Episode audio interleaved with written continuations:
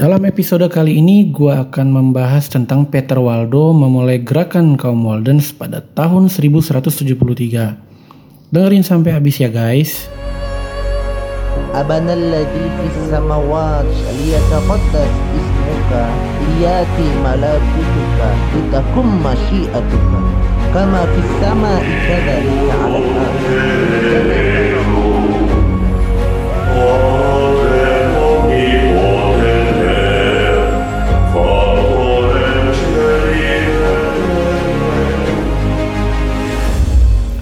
Shalom Alaihem Besem Hamasya, damai sejahtera dalam nama Kristus bagi kita semua. Puji Tuhan, kita udah nyampe di episode yang ke-9. Selamat datang di podcast Revis Tuhumuri, podcast yang ngebahas tentang sejarah gereja. Yuk, langsung aja kita masuk ke pembahasan. Sebelum masa reformasi 1517, beberapa kelompok orang Kristen merasa keberatan atas jalan yang ditempuh gereja Katolik. Salah satunya ialah kaum Waldens yang dimulai dari seorang saudara Prancis yang merasa kecewa terhadap gereja abad pertengahan.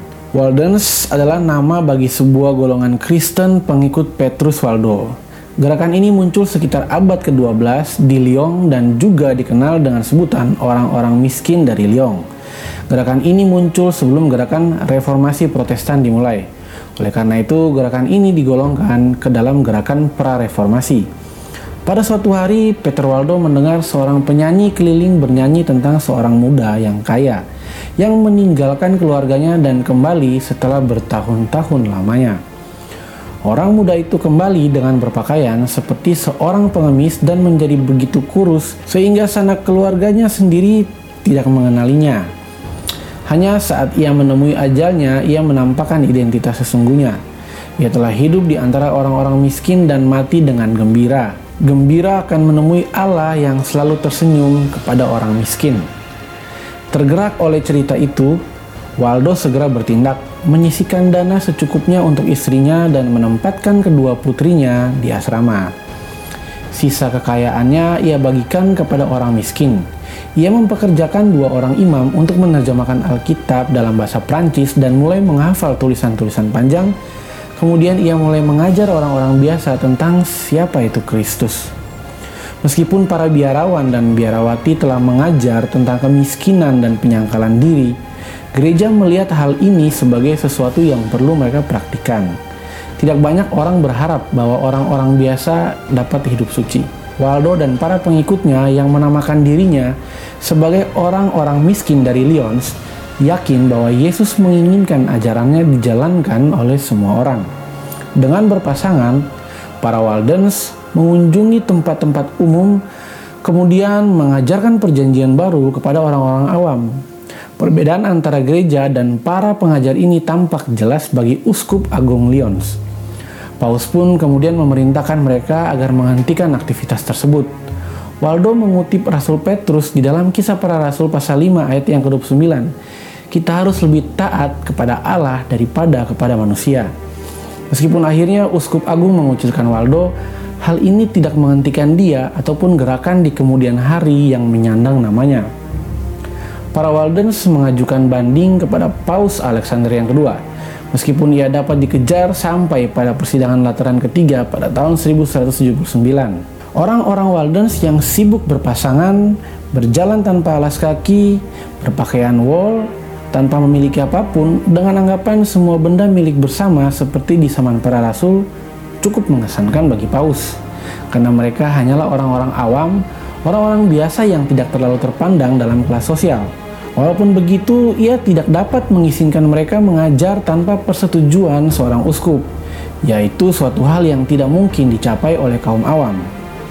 Mengingat perkataan dalam kisah para rasul, Waldo dan pengikutnya melanjutkan pengajarannya. Ini berakibat pada akhirnya mereka dikucilkan oleh Paus Lucius III pada tahun 1184. Kaum Waldens tidak mengajarkan ajaran yang sesat, walaupun pada saat itu pihak gereja menuduh mereka sedemikian rupa.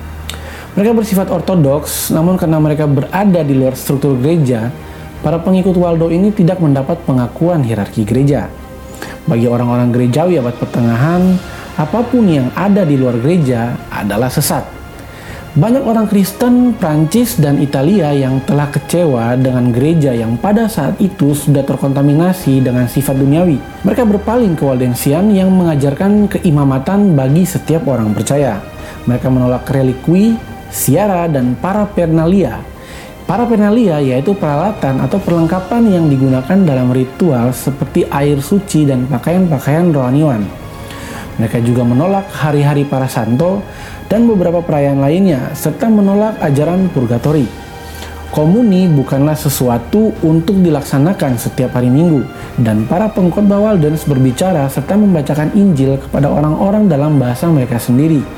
Pada tahun 1207, Paus Innocentius III menawarkan bahwa para Waldens akan diterima jika mereka mau tunduk kepada para pejabat gereja Katolik. Banyak yang akhirnya memutuskan untuk kembali, tetapi sebagian yang lain memilih untuk tidak. Kemudian pada tahun 1214, Paus mengutuk mereka sebagai orang-orang berhaluan ajaran sesat dan menyerukan agar mereka ditindas. Inkuisisi, yaitu penyelidikan dan pengadilan gereja Katolik, kemudian melaksanakan tugasnya dengan melenyapkan mereka. Kendati mengalami semua penindasan ini, namun kaum Waldens tidaklah jerah dan tetap meneruskan apa yang sudah mereka kerjakan. Mereka menyebar di seluruh Eropa sehingga ketika reformasi Protestan muncul, mereka disambut hangat oleh sebagian kaum Protestan. Saat ini mereka menganggap diri mereka sebagai bagian dari orang-orang Protestan.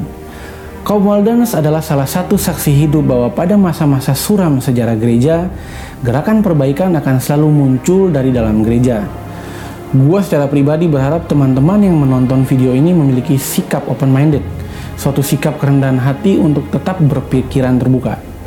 Video-video yang gue bikin di channel ini tujuannya adalah untuk menceritakan fakta sejarah tanpa mengurangi atau menambahkan, dan tidak bertujuan untuk mendiskreditkan salah satu denominasi di dalam tubuh gereja. Tidak peduli apakah kamu seorang Kristen Ortodoks, Katolik, atau Protestan, selama kamu dan saya memiliki kredo dasar yang sama, maka kita adalah saudara di dalam Kristus. Mari kita fokus untuk melihat persamaan dan bukan perbedaan. Rapatkan barisan supaya kita tetap kuat dalam menghadapi serangan-serangan dari apologet-apologet muslim amatiran yang sering kali membentuk opini sesat terhadap kekristenan seperti apa yang dilakukan oleh channel Rabanians ID dan channel Goldian Simbolon yang sudah mengubah nama channelnya menjadi Goldian Boy. Terima kasih udah ngedengerin episode 9 sampai selesai. Kalian juga bisa nonton video dengan pembahasan yang sama di channel YouTube. Nama channelnya Revis Tuhumuri.